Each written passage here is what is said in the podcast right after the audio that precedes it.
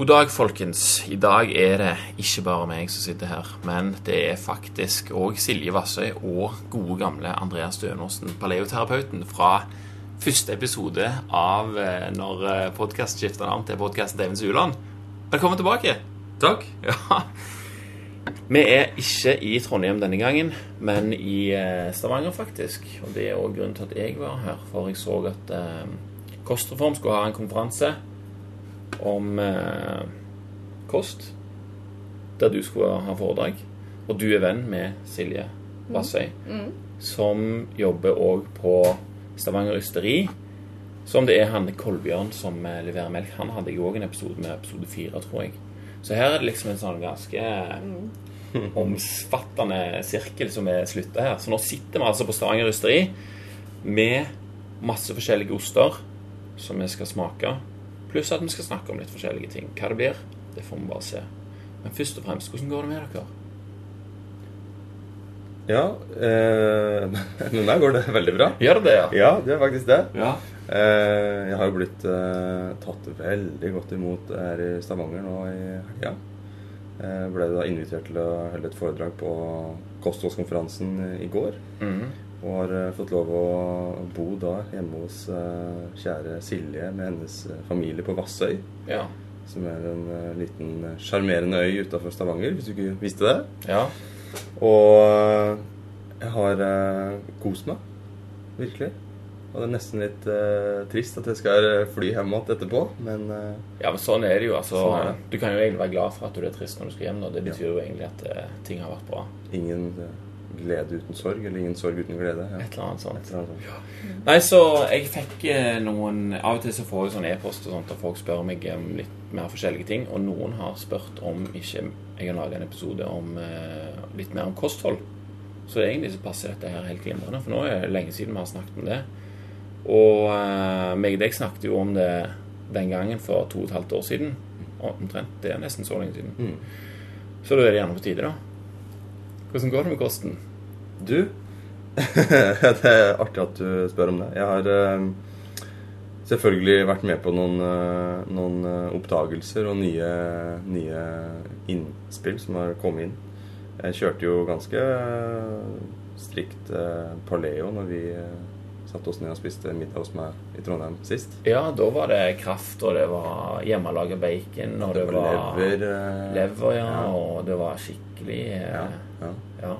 Og øh, nå i den uh, siste tida så har jeg faktisk uh, havna inn i en uh, situasjon der jeg skal utrede om jeg faktisk må være så strikt med kostholdet.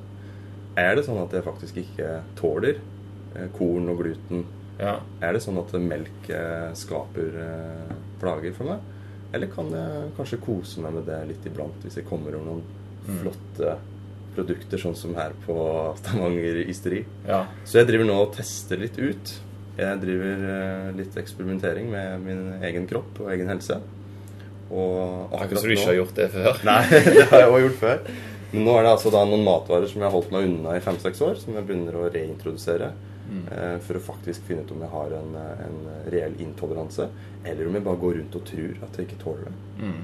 Ja, for, for når du holder deg unna da, melkeprodukter og kornprodukter og sånn, så, så er det jo egentlig Da safer du deg jo egentlig, sånn sett. Altså, det kan være du ikke tåler det, eh, men det kan òg være at du tåler det. Ja. Så nå vil du finne det ut faktisk. liksom, Du vil måle det. Yes. Og hvordan blir dette her målt?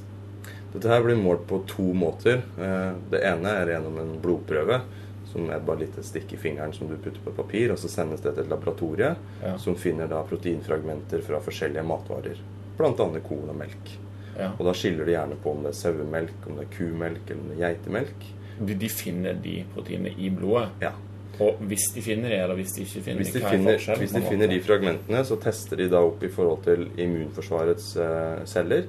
Og de ser da etter det som kalles for antistoffer. Mm. Så det er da om mitt immunforsvar har produsert noen antistoffer mot de um, ulike matvarene.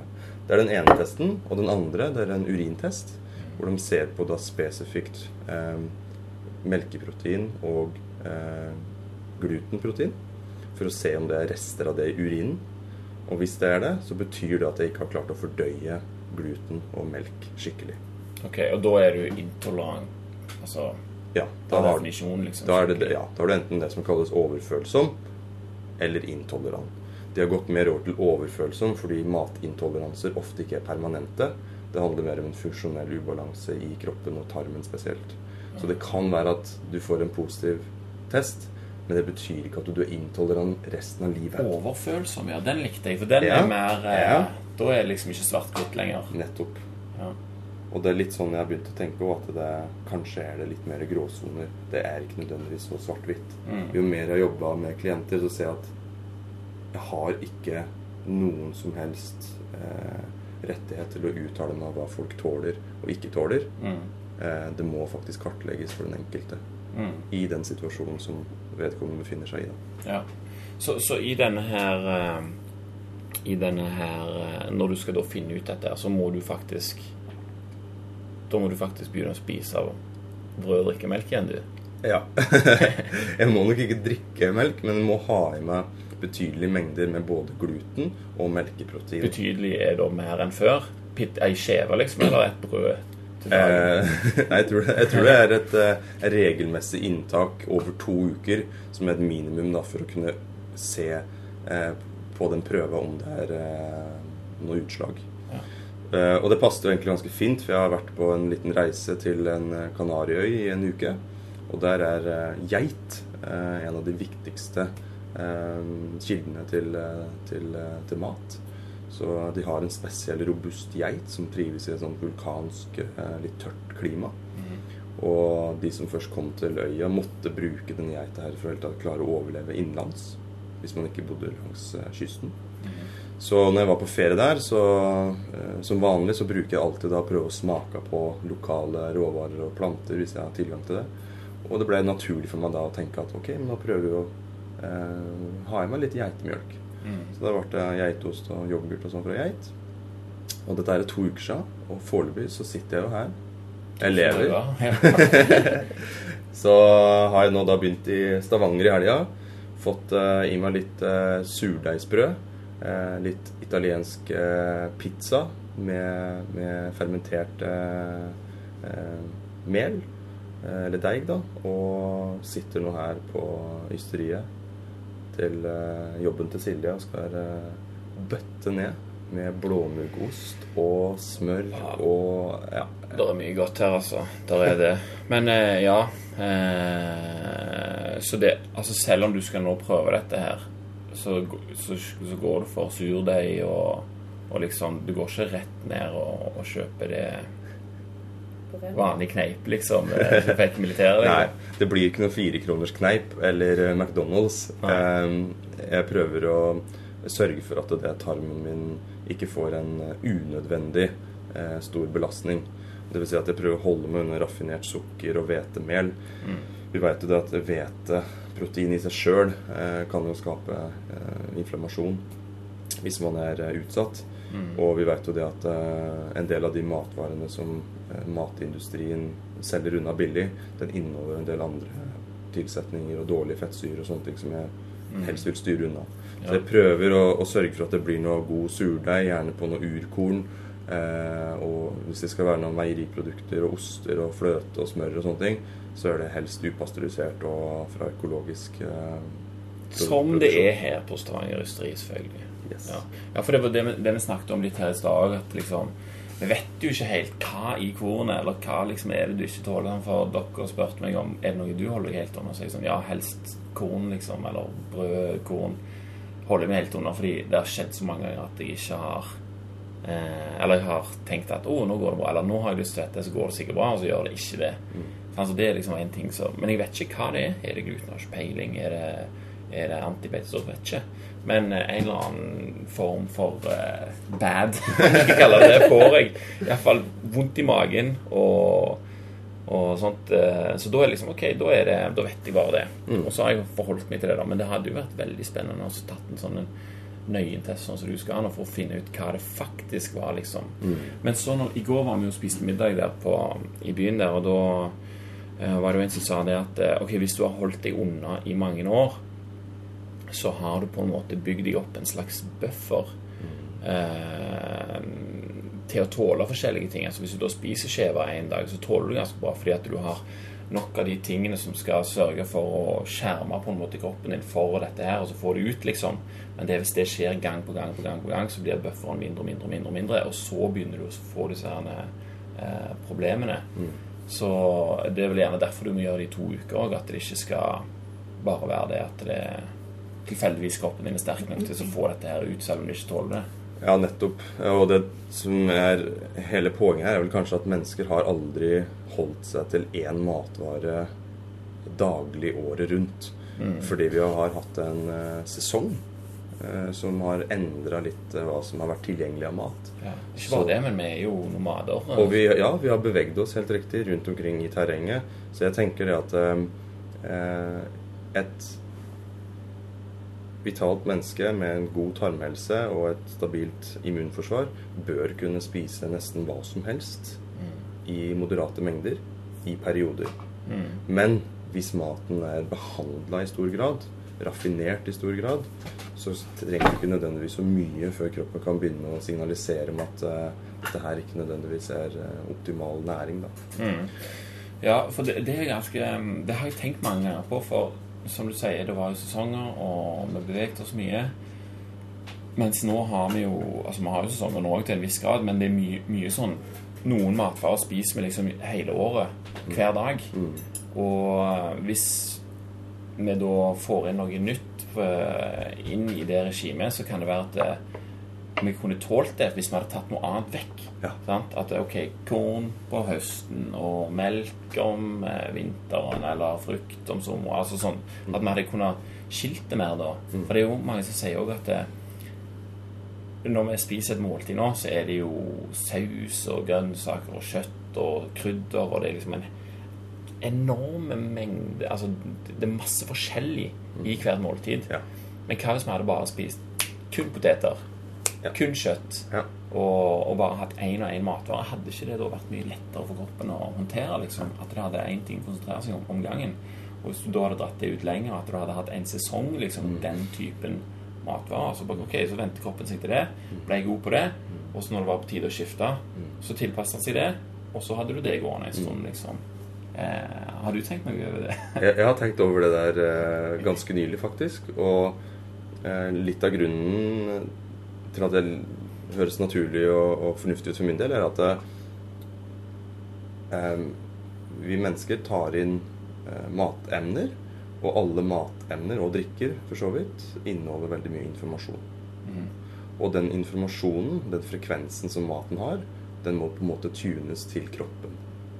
Det vil si at det har en, den har en pH, den har en, eh, en, eh, en visse eh, proteiner som skal brytes ned, den har en viss eh, temperatur, eh, den har en viss eh, mineralstatus, og den har en viss sukkermengde. Det er veldig mange ting inni maten som gir en, en form for informasjon.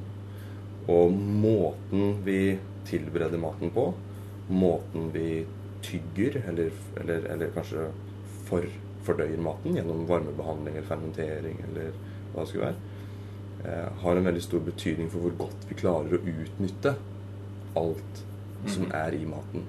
Og når du nevner liksom en stor tallerken med masse forskjellige matemner sammen, så kan det bli veldig mye og informasjon for eh, en kropp å En stor kode for den den datamaskinen, Ja. Du ser jo. Og Ja.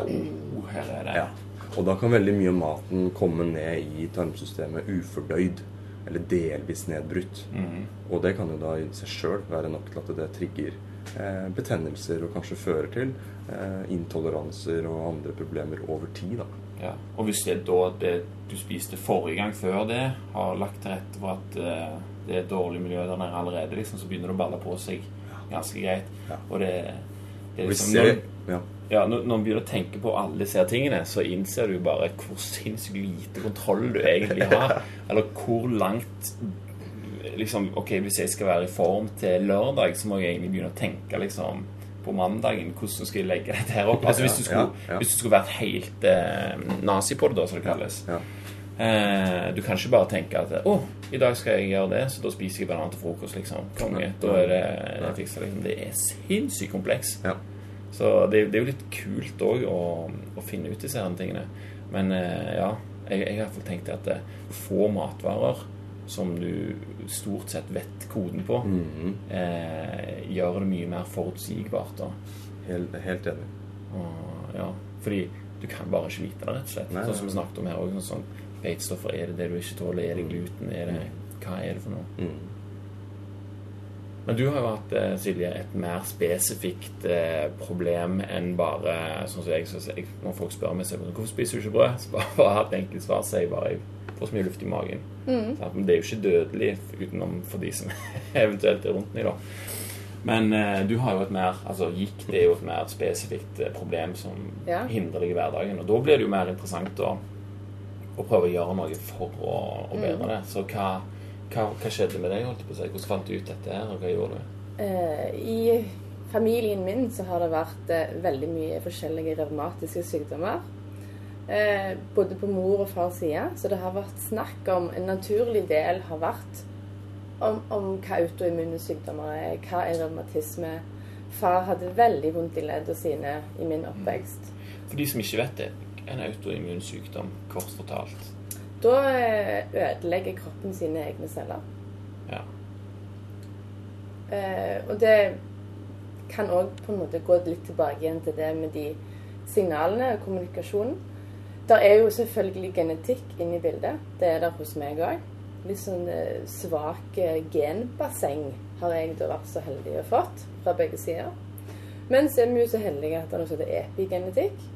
Der man kan til en viss grad sjøl være med å trykke av eller på på bryterne på de forskjellige genene. Ehm, med hjelp av livsstil, mat, eh, selvfølgelig stressreduksjon. Eh, da tenker jeg òg av alt av eh, vaskemidler, eh, kjemikalier, egentlig hel pakke, at det er en naturlig livsstil. Mm. Det er mye mer enn bare mat for meg. Det er en eh, way of life. Ja. Som gjør at du kan tåle dette her bedre, den dårlige genetikkbassenget, Ja. liksom. Mm. Mm. Og eh, ja, jeg husker når far gikk ned trappa. Vi hadde hus med eh, mange trapper i. Og han eh, var veldig, veldig vond. Sleit med trappa til tider. Nå har han, eh, går han på sånn biologisk medisin. Hva vil jeg si? Det er en eh, Jeg kan ikke for mye om det, men det er en levende substans som de har i et laboratorie lagd til, så den skal gå inn og minske den eh, eh, hissige inflammasjonen i de affekterte leddene. Ok, så han blir bedre av det, rett og slett? Ja, da tar han en sprøyte i magen hver andre eller fjerde uke. Og så Det vil da på en måte sette hans immunforsvar på prøve. Så hvis han har en forkjølelse i gang, eller det er en annen form for infeksjon, så kan han gå til legen og ta en CRP for å se om det er utslag der, eller om han bare tar det litt på hvordan han føler seg. Hvis han er syk eller slakk eller eh, ikke i form, så må han gjerne vente ei uke til den infeksjonen har gitt seg. Ok, ja. For da, da er på en måte kroppen i stand til å gjøre det rette ut fra den medisinen. Mm. Det er mange biologiske medisiner. Eh, jeg husker ikke navnet på den han bruker, men eh, ja. Mange bruker det. Jeg eh, ville ikke gå så langt at jeg ville gå ta noe skolemedisin. Så jeg eh, leste meg opp på biokjemi. På cytokiner og interleukin 10 spesielt. Eh, det er en, eh, et signal som blir sendt, som minsker betennelse i kroppen. Og det er enkelte ting man kan gjøre for at den prosessen skal skje. Deriblant infrarød badstue. Å ja! da begynner vi å snakke her. Ja. Ja, så du kan altså ja, ok, du kan eh, rett og slett bli bedre av å stråle deg sjøl eller utsette Ja deg sjøl for dette her. Mm. Ja, ok, hvordan Ja, hva mer, hva mer er det? Mer til Ja, altså innenfor badstue, det er en av tingene. selvfølgelig kost. Ja. Eh, men det Det henger jo sammen så mye i kroppen at å på en måte ta en sånn enkel ting Det blir ut av kontekst. Du må egentlig se det hele bildet. Mm. Det er bare jeg som har hengt meg egentlig litt opp i den interleukin-tid, for jeg syns det er så kult konsept. Jeg syns det er godt med badstue, du. Ja, det òg. Jeg elsker badstue. Ja, ja, ja, men det er kult når du vet knappen for, eh, for eh, effekten, holdt jeg på å si. Så er jo det veldig kult, da. Det er jo det. Jeg må bare få lov å skyte inn at det, det er så utrolig fint, den kontrasten eh, på hva slags hjelp eller eh, tiltak man kan gjøre i dag. Om man har en revmatisk sykdom, la oss si at man er kanskje litt oppi åra og har slitt med dette her i veldig lang tid, så er det helt fantastisk at det du faktisk kan få hjelp, medisiner, sånn som f.eks. det med biologisk medisin, som jeg, jeg har ikke aldri hørt om det før. Det hørtes veldig spennende ut. Eh, eller du kan få til og med hjelp med å re, eh, regenerere vev som har blitt skada, med alt mulig fra eh, transplantasjon, altså blodtransplantasjoner og, og altså å, å bruke den medisinen og teknologien for de som ikke har kunnskapen eller motivasjonen eller er i den posisjonen som Silje, da. Ja, ja, ja. Ja. Det er jo ikke noe rett og galt her. Det er er du- bare hva du, hva Ja. du har lyst til å, å gjøre, rett og slett. Ja. Er, du, er du ung og du har en interesse og du har ressurser og du veit at du kan påvirke kroppen din ned på gennivå og endre livsstilen sånn som Silje har gjort, så er det det aller, aller, aller beste.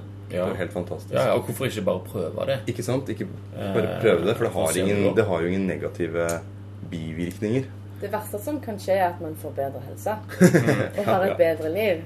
Og det du sier, sier om, ja, sånn, for, det, for det er det det ofte koster. Sant? Fordi folk ser på det som om at um, Eller folk. Det er alltid så kult å si folk. Generalisering. ja. Men, eh, men at eh, ofte så, så ser kostnaden så stor ut fordi at det innebærer å endre livsstilen. Det er veldig krevende. Og, og da blir den kostnaden for høy, for du ser ikke for deg helt hvordan du skal kunne få til det. Eller eh, liksom Å, det er en travel hverdag, og alt sånt som det der. Og det fins ingen oppskrift. Nei, nei, det er liksom det. Så, så det er den kostnaden der, hvor mye det koster. Og hvis du har kapasitet og tid og lyst å finne den ut på, på den måten som kanskje kan virke tyngst da, for mange, så er det jo fritt fram. Sant? Og tenk så mye det sparer for okay, å ikke gå til legen og ikke bruke alt dette her for, ja. for altså Hvis vi skal ta det sånn for skatten liksom, Ja, ja, ja. som vi betaler og sånt, og, så er det jo egentlig en, en gave til fellessamfunnet sånn sett, at vi tar ansvar sjøl. Ikke at det er noe dårlig å ikke gjøre det, men ja, dere skjønner hva jeg mener. Absolutt. Eh, jeg liker veldig godt å lære om hvorfor ting skjer. Gjerne ned på cellenivå og forstå prosessen som gjerne har Grunnen vi har kommet til det punktet. Mm. Eh, så jeg tok jo prøver, jeg òg. Eh, via en funksjonell lege i Oslo. Og da avdekte det ubalanser i tarmen. Mm. Og da gikk jeg jo veldig djupt inn på tarmen og tarmhelse og ulike stammer og familier og det her eh, det makthierarkiet i eh, bakteriene. For å finne ut hva egenskaper har de, og hva egenskaper eh, har den bakterien som jeg da har for mye av, eller hadde, for min kropp. Og biokjemi hos alle folk er jo individuell. Det er fellesnevnere, selvfølgelig. Alle har, alle har som regel en mage. Altså er, De store, grove trekkene er jo like.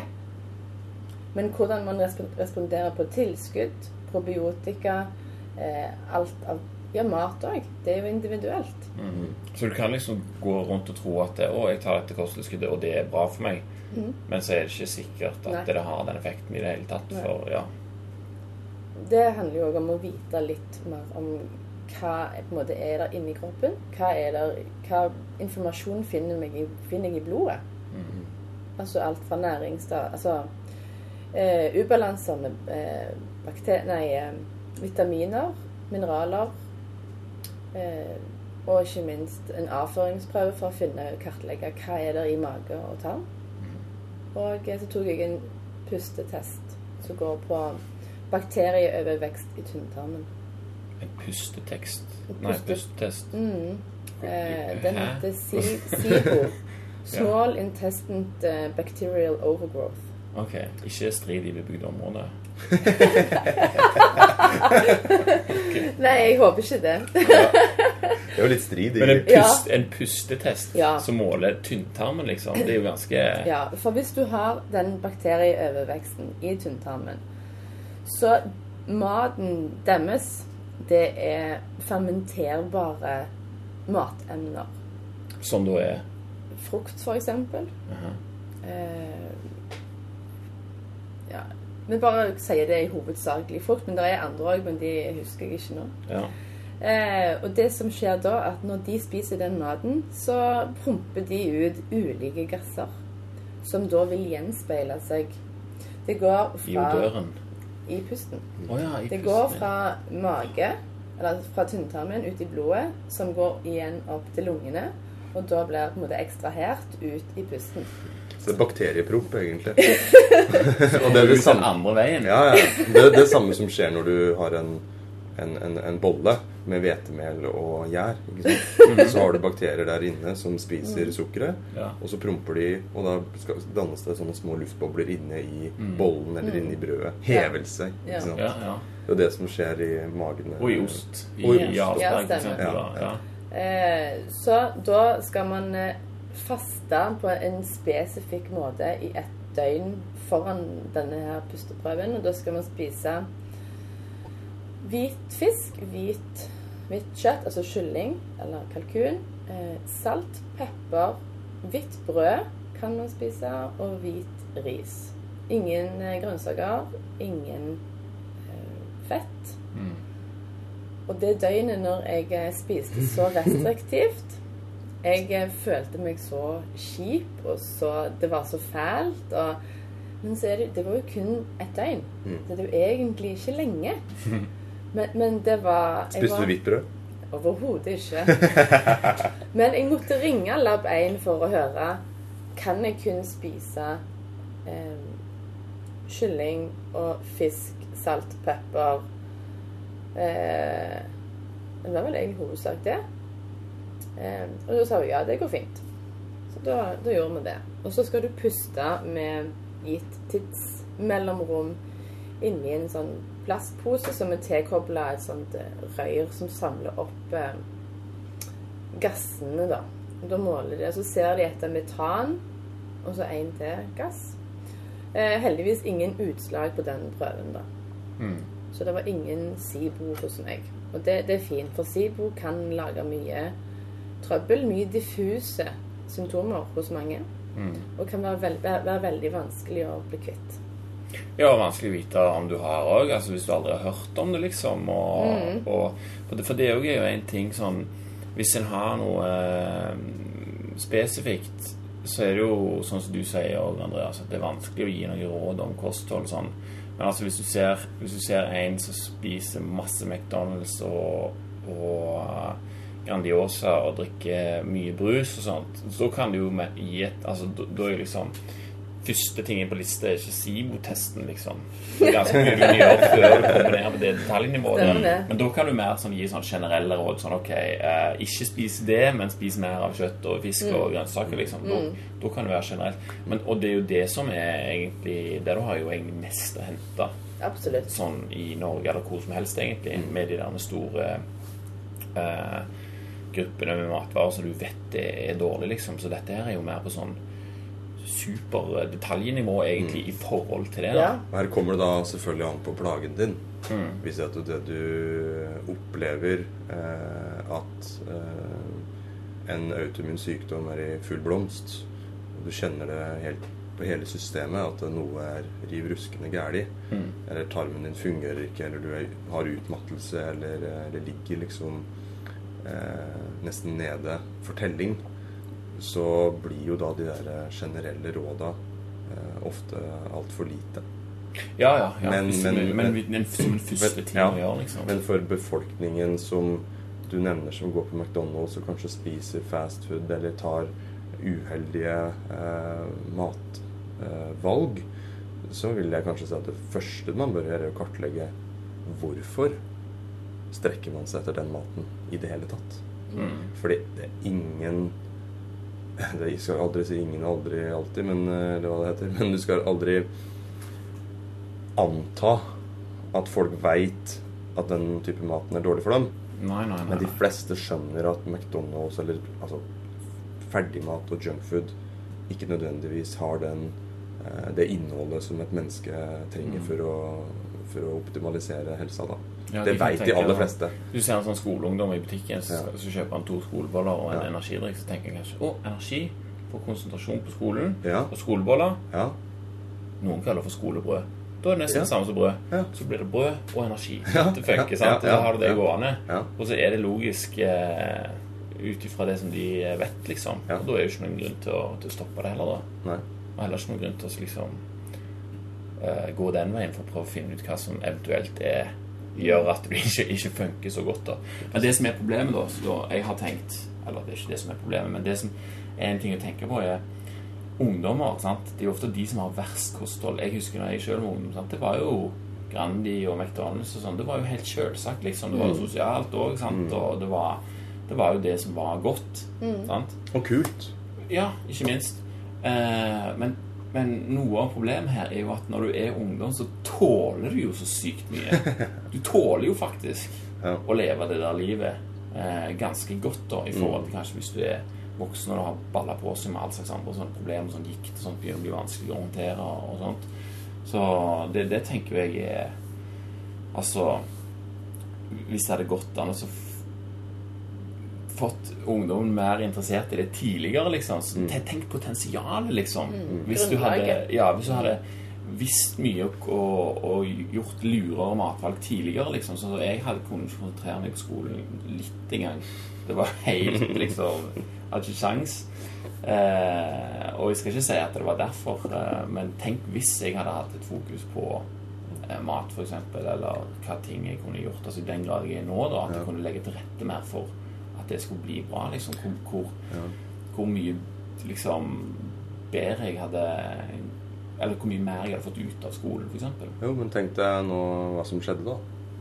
Ja, Tenk sant. det, ja. Du har blitt til den, jeg er, ikke, eh, jeg er ikke Men jeg bare ser for meg liksom at, eh, at Du har blitt til den du er i dag, da.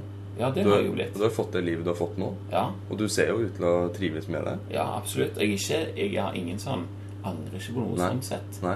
Eh, men det er jo alltid spennende å tenke på Ja. liksom hva hvis og, og sånne ting. liksom. Jo, men da er spørsmålet igjen da, om, eh, om vi får en eh, euforisk revolusjon der alle Ja, At det må bli skikkelig dårlig før det blir bedre, liksom. Eh, Nei, jeg tenker at hvis, hvis vi hadde fått til og fått eh, økt den eh, bevisstheten eller eh, samfunnsstrukturen og gjort at alle ungdommer og barn i dag liksom begynner å spise eh, spirer og med, med, med surdeigsbrød, avokado og, og liksom masse sånne sunne, sunnere matvaner, så skulle de da fått bedre helse, bedre kognitiv funksjon, de skulle da tatt mer utdanning.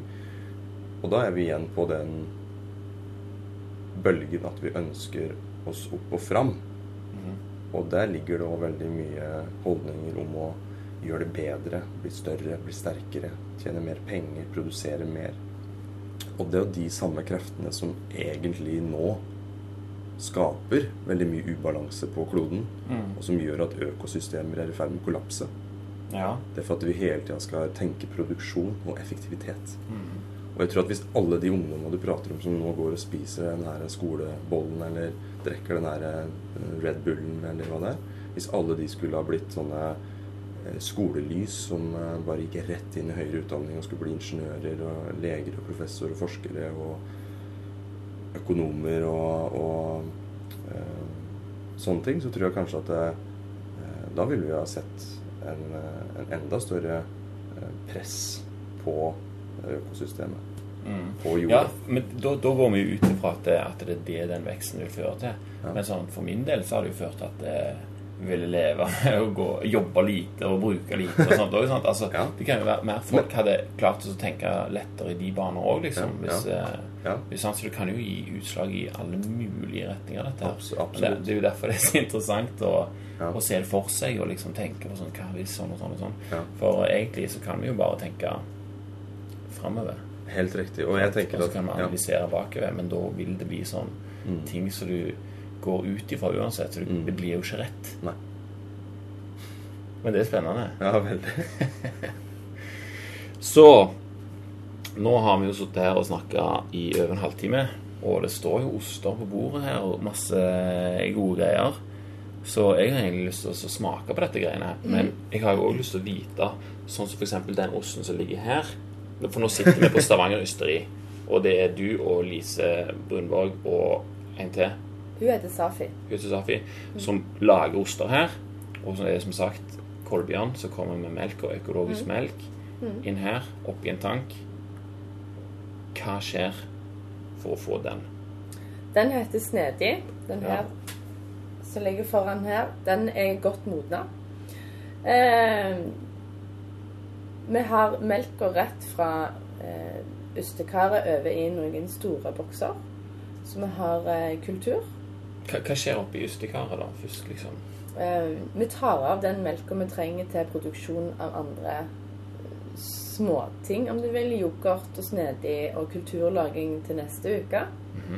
eh, og så eh, Jeg smaker underveis mens du snakker Ja. om det. Og uh, det er jo en eh, modna ferskost. Og da har den høyt vanninnhold. Den eh, smaker utrolig Ja, nå kan jo du heller få beskrive smaken. God. Den er på en måte litt familiær med Castello, hvis de som er vanlig hvit Castello, for de som er eh, kjenner til den. Men den er på en måte bløtere, mer krema. Mm. Mildere, på en måte. Ja. Åh, den var så sykt god òg, da. Jeg tar det til. Jeg legger merke til at du spiste ikke kjeksen. Du bare brukte kjeksen som et transportmiddel fra tallerken opp i munnen. Ja. Men nå er, det, nå er det jo osten Ja. jeg skal smake, ikke kjeksen. ja. Er tillater du barna dine der å liksom bruke kun spise pålegget? Ja. Bare løfte Ja. opp Absolutt. maten? Ja, ja. Se der, ja. Veldig godt. Spis du òg, da. Ja. Ja. Ok, hvor langt har vi kommet nå? Den er som en Castello-lignende ost. hvor den da har høyt vanninnhold. Derfor han har rent litt ut her. Ser ut som Ja. en clash. ja. Eh, Kremete. Hvordan er innholdet her i forhold til proteiner og fett og sånt? Og er det en veldig feit ost? vi tar faktisk av litt fløte i prosessen, for eh, den skal ikke ha for høyt fettinnhold. For da blir den ikke sånn som den egentlig skal være. Wow. Den kicka, ja. Den, den var sykt god, altså. Eh, ja, OK, men, vent litt nå. Nå, nå. nå ble jeg distrahert. Hvor langt var vi kommet? Du tar av det som du skal ha til yoghurt og sånne ting. Og så legger, du de, legger du resten av vanlig melk. Så har vi i en sånn store 16-17 liter spann. Da er det, da er det fremdeles bare, bare vanlig melk ennå. Vi har oppi kultur eh, først. Så har vi oppi melka fra ystekaret. En kultur, hva, i hva form kommer den i? Da har vi Ja, det er som kulturmelk. OK. Så vi har oppi en gitt mengde først i hvert spann. Mm. Og den melka er, har dere òg selvfølgelig da lagd her. Ja. Ja. Jeg vet ikke hvor mye av disse her statshemmelighetene jeg får lov å røpe. Nei, Oi, bare, oi, oi, oi, bare oi. fortell prinsippet, liksom. Sånn. Eh, ja, men, men eh, Den eh, Du kan miste jobben her nå, så Ja, må du være veldig forsiktig. Ja. Du får se at det blir god, god reklame for oss. Ja, ja, ja, det eh, Men vi har oppi løpet. Det er det Ja. som gjør at det blir litt sånn stivere, litt sånn puddingaktig. Da blir det et koagel. Du har en koaguleringseffekt. Mm. Eh, og da, når det er på en måte tjukt nok koagel, så auser vi det opp i sånne små former som ser ut som siler. Der Ja, mysen får renne ut. Ja. Da drenerer mysen ut. Og da eh, Alt etter hvor mye vi lager, så må vi på en måte finne ut hvor mange former vi trenger. Så skal det stå og drenere ifra seg en, eh, en god stund, og så snur man. Da får han den karakteristiske runde formen. Mhm. For når den bare er drenert en på én side, så ser det ut som et um, landskap over. For da ligger på en måte ostemassen eh, i en haug ja. oppi forma. Så når vi snur det, så blir det jevnt og fint. Du har den flat på begge sider, Ja. liksom. Og for de som ikke ser noen ting nå, så ser dette her egentlig ut som en rund is som har begynt å smelte litt. Ja, Ja, godt, akkurat nå så En godt modna snedig.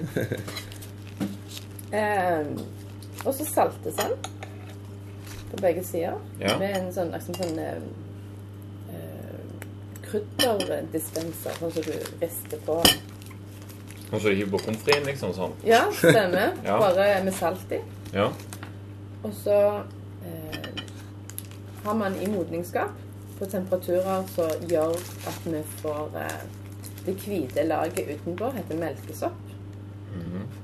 Og den, eh, den eh, er med og gjør osten til det den skal være. Ok, Både den soppen da, og løpen, Og kulturen. det gir smaken. Soppen kombinert med hvordan du lager den og sånt. Da vel. Mm. Veldig bra. Så hvordan, hvor lang tid tar det da før kolben kommer med melk, og til vi kan spise den og smak som sånn kjøtt? Det kommer litt an på hvor, hvor eh, kjapp prosessen er med modninga i modningsskapet, men det er vel Jeg håper ikke jeg sier feil. men Ja, men bare eh, sånn er det liksom Ja, cirka. cirka cirka. cirka. Ca. 10-11-12 dager. Å, det er ikke mer, nei. Nei, den er ganske kjapp. Ellers er det to uker. Jeg, jeg... Vi har våre arbeidsområder og arbeidsfelt her på Østeriet. Veldig godt indoktrinert, velfungerende maskineri. Jeg gjør mine ting. Mhm. Og Safi gjør sine ting, og Lise gjør sine ting. Ja, for jeg, vi har jo fått en liten omvisning her nå, når vi kom, og det er jo veldig eh, sirlig her. Altså, alt er jo superrent og rene og skitne soner, og liksom alt har sin plass her. Klart og tydelig, altså. Så det er jo en, eh, et velsmurt maskineri, om du skal Ja, kalle det det. stemmer det. Lise er vanvittig dyktig og veldig flink å lære ifra seg. Og hun starta bare dette her Når skal jeg starte ysteri? Hun hadde en drøm. Mm. Hun hadde vært og reist masse, og så hadde hun en drøm, og dette her er resultatet. Det, jeg jeg syns det bare er, er dødskult. Og hun starta helt alene. Ja. òg. Så all kudos, altså. Dette her blir jo veldig bra. Eh, og hun Men én ting lurer jeg på. For jeg har en som jeg jobber med, som har, eh, har kuer og sånt. Og han kom av og til tar med seg melk på jobb, og så lager han sånn dravle og, og, og forskjellige ting eh, når vi er der, liksom. Eh, men hvor vanskelig hadde det vært å lage ost av den melka liksom, hjemme? Kunne du kunne gjort det hjemme? liksom? Ja, ja. Eh, det er jo enkelte oster som modnes i saltverket. Og da kan man fint ha det stående i kjøleskapet sitt. Mozzarella, kanskje? Ja. For eksempel. Eh, og så fetaost. Ja visst. Men så, eh, Lise arrangerer jo ystekurs med jevne mellomrom. Mhm. Bare melde seg på, Eivind. Ja. Så, og da lærer du hvordan du gjør det hjemme. Altså hun Å, oh, ja. det ned Å, Dødskult. for, for, for hjemmebruk. Ok, stilig. Så dette her går det an også. Men, men sånn eh, Av og til så har jeg lest sånn Ja, du trenger for å lage 1 kilo ost så trenger du 35 liter melk, liksom. Ja. Er det såpass? Du trenger ganske mye melk eh, i, til én ost, ja. Sånn Mm. Og det sier seg sjøl, for den er jo kompakt med protein og, og fett og, og så så mye vann, liksom. ja. Uh, men for en sånn stor føniks som er rundt 2,5 kilo, der trenger vi 21 liter melk. 2,5 kilo, 21 liter melk. Ok, ja, men det er ikke så galt. Kjeks. Ja. Eh, og, og det som Når du har da fått osten Hva er det som er igjen da? liksom Går det an å bruke det andre? Altså, hiver du ikke rett ut, går ut ifra. Eh, mysen, som da er restproduktet, den kan brukes til hovedsakelig to ting. Du kan koke prim eller lage brunost. Eller gi den til grisen. Det går. Ja, det gjorde vi en periode, men det ble avslutta, det samarbeidet. Så vi er egentlig på jakt etter en, Gris. en, en ny bonde som vil ha myse til. For da blir det til bacon. Det blir så godt. Ja, Ja. det er Ja. nydelig.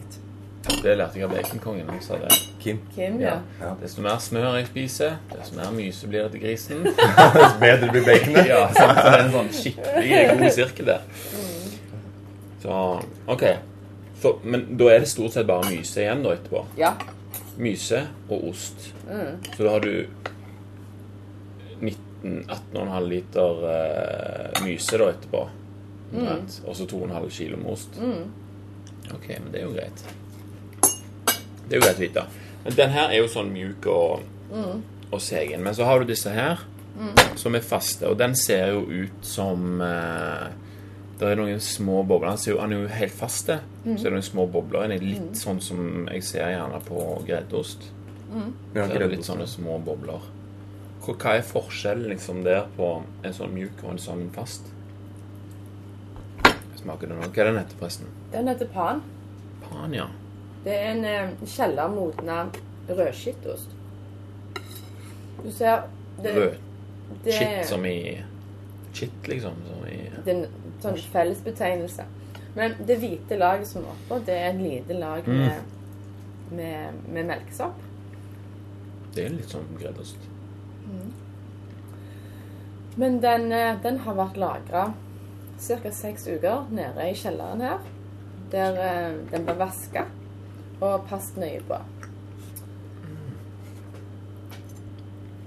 Men det, der, det der laget, det spiser du, sant? Du kan spise det, men det er ikke Du får ikke smekk om du, du skjærer det vekk først. altså. Okay, okay, ja. Det, det, det er helt individuelt. Noen ganger spiser jeg skorpe, andre ganger spiser jeg ikke skorpe. Okay, ja.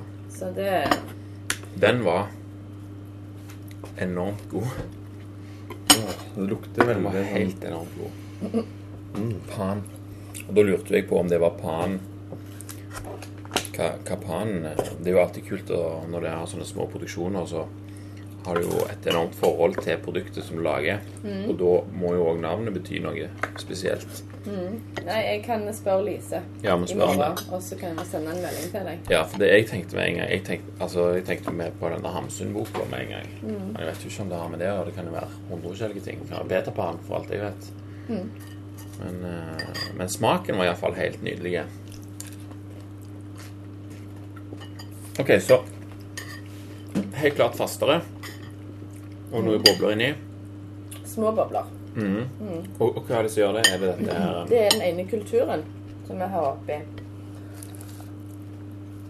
Det er fint at jeg ikke husker noen navn på disse Spiller ikke så mye rolle. Fordi at da røper vi ikke noen hemmeligheter. Nei, det er bare, sånn, bare konseptet. Jeg lurer på liksom hva det er. Eh, Men eh, det er kombinasjonen av eh, kultur, altså ulike bakterier, som er med med sine egenskaper. Det er ikke bare bakteriene sine egenskaper som betyr noe inni kroppen, men de betyr noe inni osten òg. Ja, for bare Når du lager en ost, er det stort sett samme prosessen. Fra melk å komme inn til du liksom Til det bare snakk om hva slags ting du har, eh, hva løper og sånt, og hvordan du modner liksom, eller Alt, alt du gjør fra melk å komme inn, til osten er på en måte ferdig formet. det er det som avgjør det ferdige resultatet på osten. Ja, ok, Men du, du hiver dette her òg opp i, i de samme type karene, liksom, og drenerer mysen og Ja, alt sånt på ja. stort sett samme måte? Ja, mm. Bare at det er forskjellige typer kulturer og, og løper og sånt oppi? Løpen er lik uansett. Å ja, han er det, ja. ja. Men, Men akkurat på Pano Conrad så er det en litt annen metode enn på Phoenix. Det er som en, en oppskrift som vi følger så absolutt så nøye vi kan hver gang. For at resultatet skal bli likt for hver produksjon. Mhm. For det er at kundene setter veldig stor pris på at, at det er forutsigbar, høy kvalitet. Det er ikke sånn som på stølen, liksom. Nei, på stølen. Det regna den dagen jeg lagde det, liksom, så Det ble det sånn. Ja. Da har vi det igjen, da. Vi liker det samme. Vi Ja, skal helst ha det samme hver dag. Ja. Uke inn, uke ut. Vi skal ha den osten som smaker det samme i Ja. dag som i går og i fjor. Men det er jo litt kult med en sånn plass som dette her, for her kan du jo faktisk ha sånne små variasjoner. Ah, dette er en spesiell Phoenix, for her ble det sånn, liksom. Eller Ja. Det går jo an. Gjør det ikke det? Sånn som nede så jo du hadde lagt en store oster plutselig. Ja, det er Vi fikk veldig mye melk av bonden. Og Lise hun har lyst til å eksperimentere litt. Så da hadde hun, hun lyst til å, å prøve seg på noen store oster. Vil det nå smake annerledes? Det gjenstår å se om en del uker. Spennende. Sant? Veldig spennende. Veldig kult. Ja, så hvordan er det å jobbe da med oss? Er det, er det gøy? Det er kjempespennende. Fordi at hver detalj kan bety så mye. Man må ha kontroll på alle de variablene. Det er som en ligning med veldig mange tilsynelatende ukjente. Så du må passe på etter hvert som forløpet går. at vi gjør det samme med melka når vi lager den osten, som vi gjorde sist uke, Mm. og alle de andre ukene. Eh, vi får jo stadig mange, mange gode tilbakemeldinger fra kundene, og nye kunder. Eh, så det er heldigvis veldig god etterspørsel, som stadig blir større. Ja. Mm. Som seg hør bør med et godt produkt. Jeg syns det er så spennende å være på en plass der det faktisk Jeg, jeg vil ikke kalle dette her å produsere mat. Eh, selv om det, det, det er et håndverk. Det er eh, å legge til rette for kulturer og forskjellige meninger. Og det er levende mat som skal bli til en levende form i de mennesker som konsumerer det.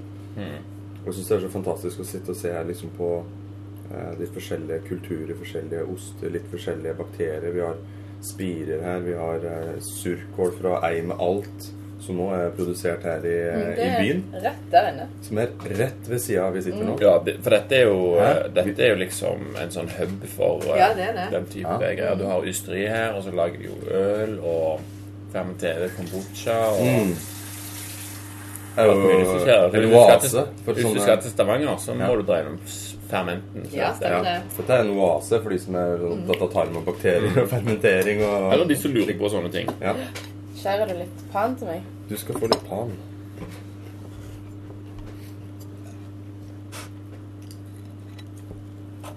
Veldig kjekt. Nei, for jeg tenker jo Vet du hva jeg var eh, Jeg liker å gå på bruktbua i Saudan. Der er det åpent hver eh, er? Hver eh, lørdag fra klokka ti til klokka ett. Jeg liker godt å lese bøker, men én ting er så Jeg har liksom flere måter å få tak i bøker på. En måte er jo sånn ok, hvis du hører om en bok, så legger jeg den på sånne ønskelister, og så bestiller jeg den når jeg har en del bøker jeg har, er ferdig med å lese. eller sånne ting. Men da er det, mye, da er det jo veldig forutsigbart hva jeg får. Da vet jeg har en forventning med boka, liksom. Men når jeg går på bruktbua, så er det jo plutselig noen som bare hever inn alle bøkene til en som har daua, liksom. Ja. Og da kan du finne mye sykt, altså. For jeg fant ei sånn bok om dyrehall fra 1935. Så det er sånn, ok, det er jo dødskult.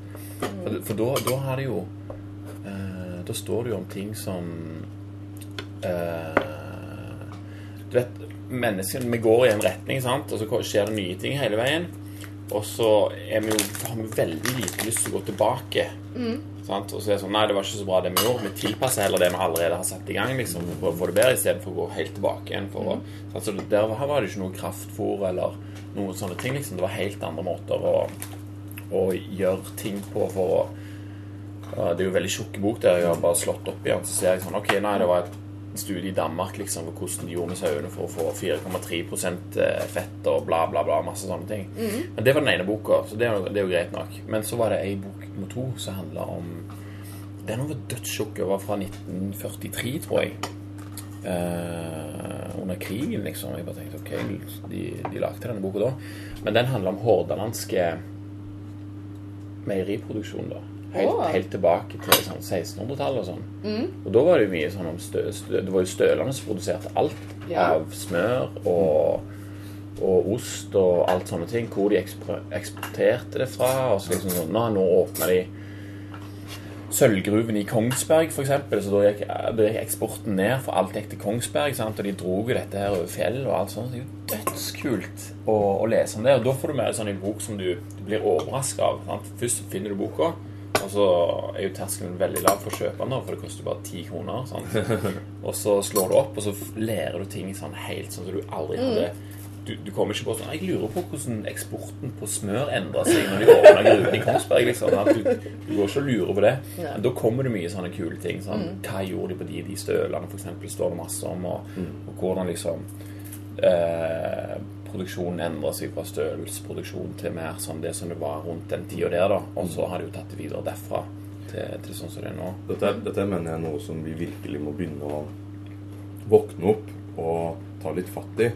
For eh, en av mine største motivasjoner for å finne ut om jeg faktisk tåler meieriprodukter, sånn som jeg sitter her og dytter i meg nå, det er jo at eh, Norge har et eh, klima som innebærer det at eh, det er vanskelig å dyrke veldig store mengder med planteføre året rundt. Vi har et landskap som egner seg veldig godt til utmarksbeite. Og vi har òg gjennom mange eh, generasjoner eh, avla fram gode arter som er, eh, som er godt egna til nettopp det. Og jeg mener at hvis du har en matintoleranse for f.eks. melkeproteiner, så er det ikke nødvendigvis bare å finne ut at du har det, eller f.eks. innbille deg at du har det. For det kan jo også skje. Men du bør kanskje finne ut hva er grunnen til at kroppen min ikke klarer å prosessere den informasjonen som er i meieriprodukter. For med tanke på et bærekraftighetsperspektiv så er det veldig, veldig fint hvis nordmenn tåler meieriprodukter. Da må Ja, det er selvfølgelig dødsnice. ikke sant? Den må selvfølgelig konsumeres i moderasjon, Mm. kanskje etter sesong. Og det bør kanskje da være mer av den eh, maten som er produsert på eh, litt mer eh, ekte og, og, og kjærlige måter. Bortsett, eller, eh, I motsetning til det som er veldig effektivisert av industri. Nå skal ikke jeg si liksom, eh, løsningen på alt her, er men, men er det virkelig noe i veien for at vi kan begynne å ta kuer opp på fjellet om sommeren, så de kan spise den maten og lage ost av det? Og så er det folk som jobber på stølene med å lage den osten og lage den alle de produktene, og så bærer den ned. Altså, kan, kan vi Er det helt fjernt å gå tilbake til å gjøre det på den måten, liksom? Det er mot effektivisering. Det er det eneste punktet jeg ser som veldig tydelig. da. Ja, for altså, sånn som du sier her nå, så er det jo Her er det jo et eh, spesielt produkt som lages på en litt annen måte i liten skala, men mens etterspørselen er jo økende. Sant? Så da istedenfor å bygge dette her ut til å bli en tverrfabrikk, sånn, så er det ok, det er små sånne ysterier rundt omkring liksom, med sine særegne greier. Og så når etterspørselen går opp, så er det gjerne ikke produksjonen som går opp, men kanskje prisen. Ja. Sant? Og, og tenk, du kan jo tenke deg hva, hva den typen produkter som var produsert på, på stølen med, med den melka altså den melken som kommer her, den er greit nok, den er økologiske. Og, men sant, det er jo bare gras fra Randeberg, liksom. Ja. Det er jo ikke lyng og, og alt det der greiene som er oppe på fjellet, liksom. Og den produksjonen er jo klart det hadde lagt mindre melk, og hvordan skulle du ha hatt melkemaskiner? måtte du faktisk begynt å melke, altså Ja. alle de tingene der. Ja. De er kult å tenke på, syns jeg. Ja. For uh, det kan jo være at det hadde Nå, nå snakker vi om sånn Ja, robotene kommer til å øve og alt sånt. Så det, hva, skal vi, hva, skal, hva, hva skal vi mennesker gjøre på, liksom? Da får, åpner vi kapasiteten vår opp til for det første å ha mer ideer og, og drive mer sånn idébasert eh, eh, produ Produsere ideer, rett og slett. Men vi har jo fremdeles hender og bein, liksom. Kanskje vi kan gjøre mer sånne ting. Det syns jeg hadde vært kult. Det handler om å komme tilbake til kilden. Ja, Få kontakt med kilden til, eh, til eh, opphavet. Ikke bare Ja, ja og, og hvordan skal du få kapasitet til å komme tilbake til den kilden? Det er jo gjerne når robotene tar over, at vi ikke har bruker kapasiteten vår på å jobbe, liksom. Hva har jeg lyst til å gjøre, da? Jeg kanskje kan ta en sommer på en støl, liksom. Jeg interesserer meg for det. Jeg har lyst til å lære det, liksom. Og, ja, og sånt. Og da er det gjerne ikke noe i veien for det. Det er veldig mange innen bærekraftig og helhetstenkende jordbruk som sier at eh, hvis vi virkelig har lyst til å både redde miljøet og samtidig gjøre noe godt for oss sjøl, så er det å begynne å produsere, dyrke, gro litt av maten din Selv. sjøl. Ja. Og det er jo en stor, stor økning i interesse rundt kjøkkenhage, innedyrking, spiring og, og sånne type ting. Og jeg tenker at vi må litt dit òg, eh, på noen av de andre matvarene. Det står så ufattelig mye bær og sopp Det er flaut. ute i skogen. Det er flaut. Og det er gratis mat som vi kan gå ut og sanke. Ja, alt råtner jo på rot. Råtner sånn på du rot. ser, så Det er flaut. Og at så ikke går vi og handler på Rema og klager over at ting er for dyrt. Ja, og så Selv klager om vi det på er- de store blåbærene. Ja. Ja. dette er helt hvite inni. Hysj! Ja, og så dyrt! Det er ikke blåbær. Og så liksom Ja, gå og hent de andre, da. For guds skyld. Jeg har ikke tid Jeg skal jobbe. Tjene penger Ja. Så For vi å har jo kjø- For å kjøpe overprisa blåbær. som er hvit. Ja. Nei, så sant, altså, Det er greit men Vi vet jo at vi kan produsere for mye mat. Det, det, det så vi på det der lammet. De produserte jo så mye lammekjøtt at vi måtte fly med helikopter til Afghanistan. Eller hvordan det nå var. For eh, en latterlig pris per kilo, liksom. Så tydeligvis så vet vi jo hvordan vi produserer nok. Ja. Man kan ikke heller tenke på hvordan vi kan produsere noe bra, liksom. Og tenk alt den importen med, med kraftfôr. Nå er jo ikke sauer å spise mest kraftfôr, men det var jo noen tonn med kraftfôr. Så gikk det med å lagre det kjøttet der. ja, Og så sendte vi videre til Afghanistan. Ja. Endeproduktet. Ja. Men det var jo ikke meninga i utgangspunktet, da. Men sant? ofte så havner vi opp i sånne problemer. Men eh, hvis vi skulle produsert et kvalitetsprodukt oppå en støl, så for det første så hadde jo det ikke vært noe import av eh, noe særlig med fôr for å få det til. Samtidig så hadde vi brukt noe som ikke blir brukt. Samtidig så kunne det vært folk der oppe som kunne plukket de blåbærene. Når de hadde pause eller hva som helst, så kunne det vært syltetøy, liksom. Eller Ja. du kunne lagd så sykt mange ting av de tingene som allerede var der, som nå ikke blir brukt. Kildevann. Istedenfor å tenke på hvor mye vi skal importere for å klare å nå produksjonsmålet vårt, liksom, eller hvordan de nå tenker. Og, Vi tenker bruttonasjonalprodukt. Ja. Istedenfor å tenke sånn syltetøy og ost, liksom. Det.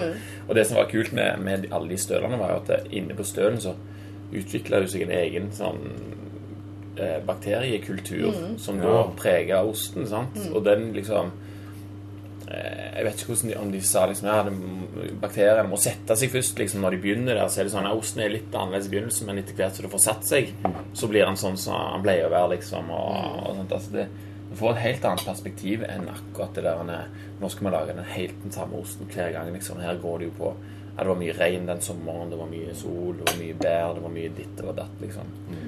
Og det syns jeg er Mm.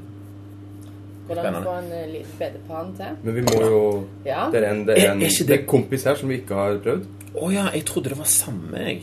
Dette, dette er jo òg pan, men det er den som du vasker med øl. Den er til Konrad. Konrad, ja. Det er det er kompisen. Men det er det samme inni. Det er det samme inni. Men den får litt ulik smak pga. at den blir vaska så mange ganger med, med øl. Smaker den. Så det er litt som en eh, nordmann Hva var det i da? Syden. Da. Jeg kan ta godt av den, ja. Takk. Vasken godt med øl. Hva sa du? Nordmann. Sydenferie.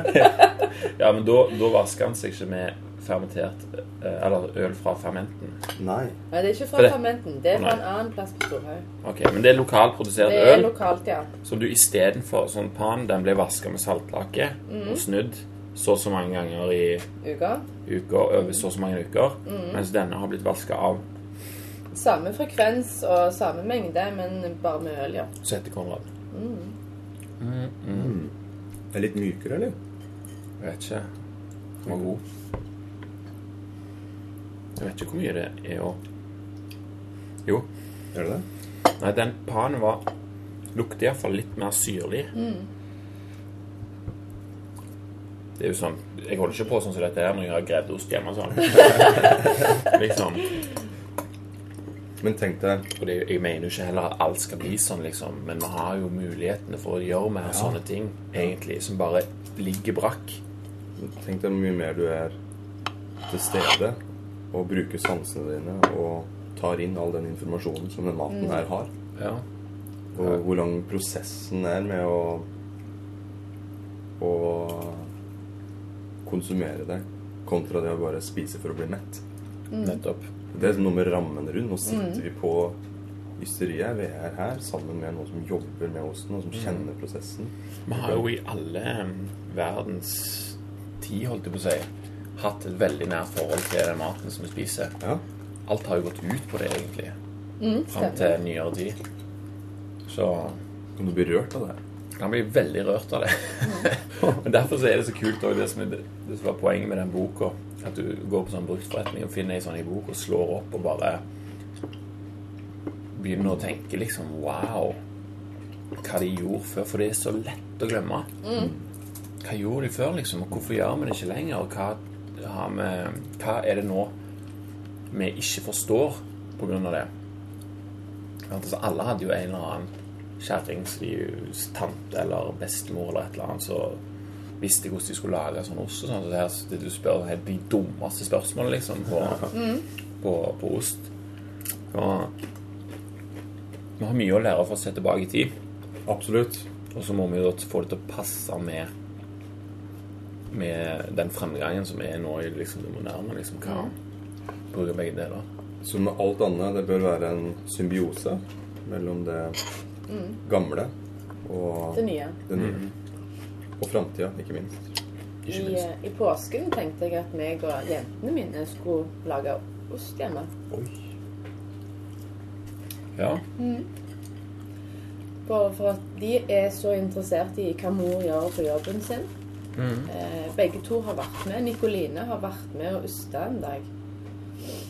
Det eneste som var aber, er at hun burde vært 10 cm høyere for å nå over formingsbordet når vi former osten. Men eh, Og hun mellomst òg, hun er så interessert. For det er så spennende. Fordi at, at vi kan lage ost. For, for mange unger så er det et produkt du bare plukker opp på Rema. Enten skive eller i et stykke. Mm. Men det jeg liker å lære mine unger, er hvor ting kommer fra. At vi har kjøkkenhage med grønnsaker. At de er med og sår. At de får høste den første reddiken. Spise den med moll på. Bare ta av det verste der, selvfølgelig. Men eh, ja. Husker du sa det når vi snakka sammen sist, i den første episoden, Ja. at mange unger i dag de ser sjokolademelk i butikken ja. og tenker at det her kommer fra sjokoladekua. Ja, ja. Men det, det En ting er uh, at uh, ungene skal bli med på det, liksom. Det er jo én ting. Men om de driter i grønnsaker Altså ikke driter i grønnsaker, men om de bryr seg mindre om det, Ja. så ser de iallfall jeg holder på med det. Sant? At jeg går ut og henter egg. Eller sånn. Altså, de vet om det. Selv om de ikke bryr seg så mye om det, så er, er det vanlig for dem at de vet at det skjer. liksom.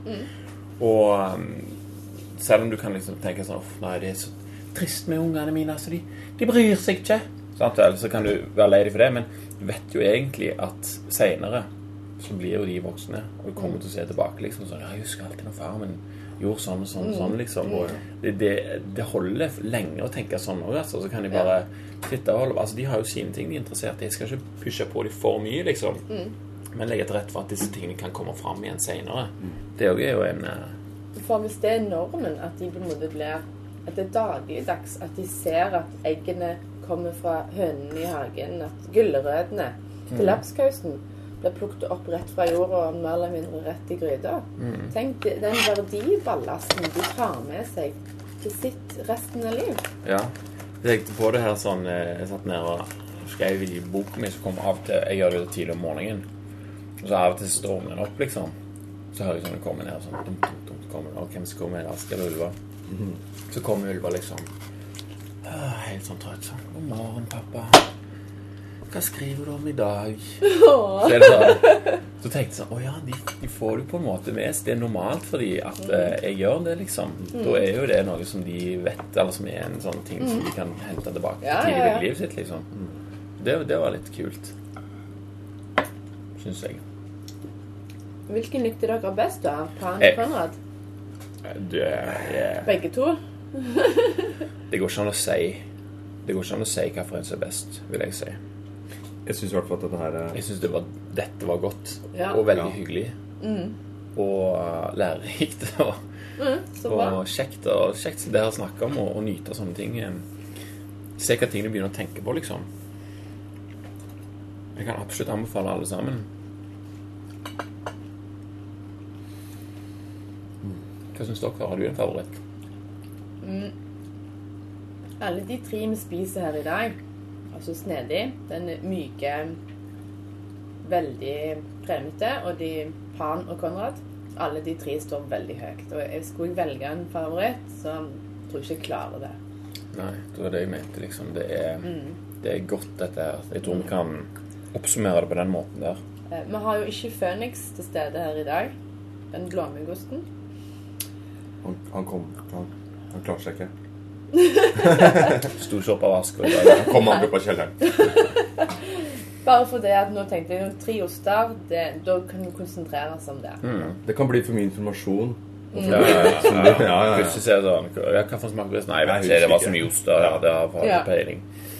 Gjør det litt enklere liksom å Ja. prosessere informasjonen. Nei, det tror jeg var lurt, altså. Og eh, jeg tror egentlig vi skal si tusen takk for i dag òg, jeg. eh, Nå, når vi er på topp. Ja. Plutselig begynner det å bli kjedelig, dette vet du. Ja. Det hadde vært litt kjedelig. Men eh, tusen takk i hvert fall for eh, ost og, og informasjon og hyggelige samtaleemner. Så får vi se. Nå er det jo to og et halvt år siden jeg Du vet, eh, vi, når vi var innom hos deg, det var jo når vi hadde, meg og Ask hadde vært i Mo i Rana og henta camperen, liksom. Jeg syns det er ganske kult at det, Ok, stakk vi innom deg nå. Nå har det gått to og et halvt år. Nå er vi tilbake. Og hvem vet hva tid vi finner på noe igjen. En ting er iallfall sikkert, det kommer til å bli hyggelig. ja da. Så i mellomtida så får vi kose oss med det som vi vil. Tusen takk. Takk. Takk, takk.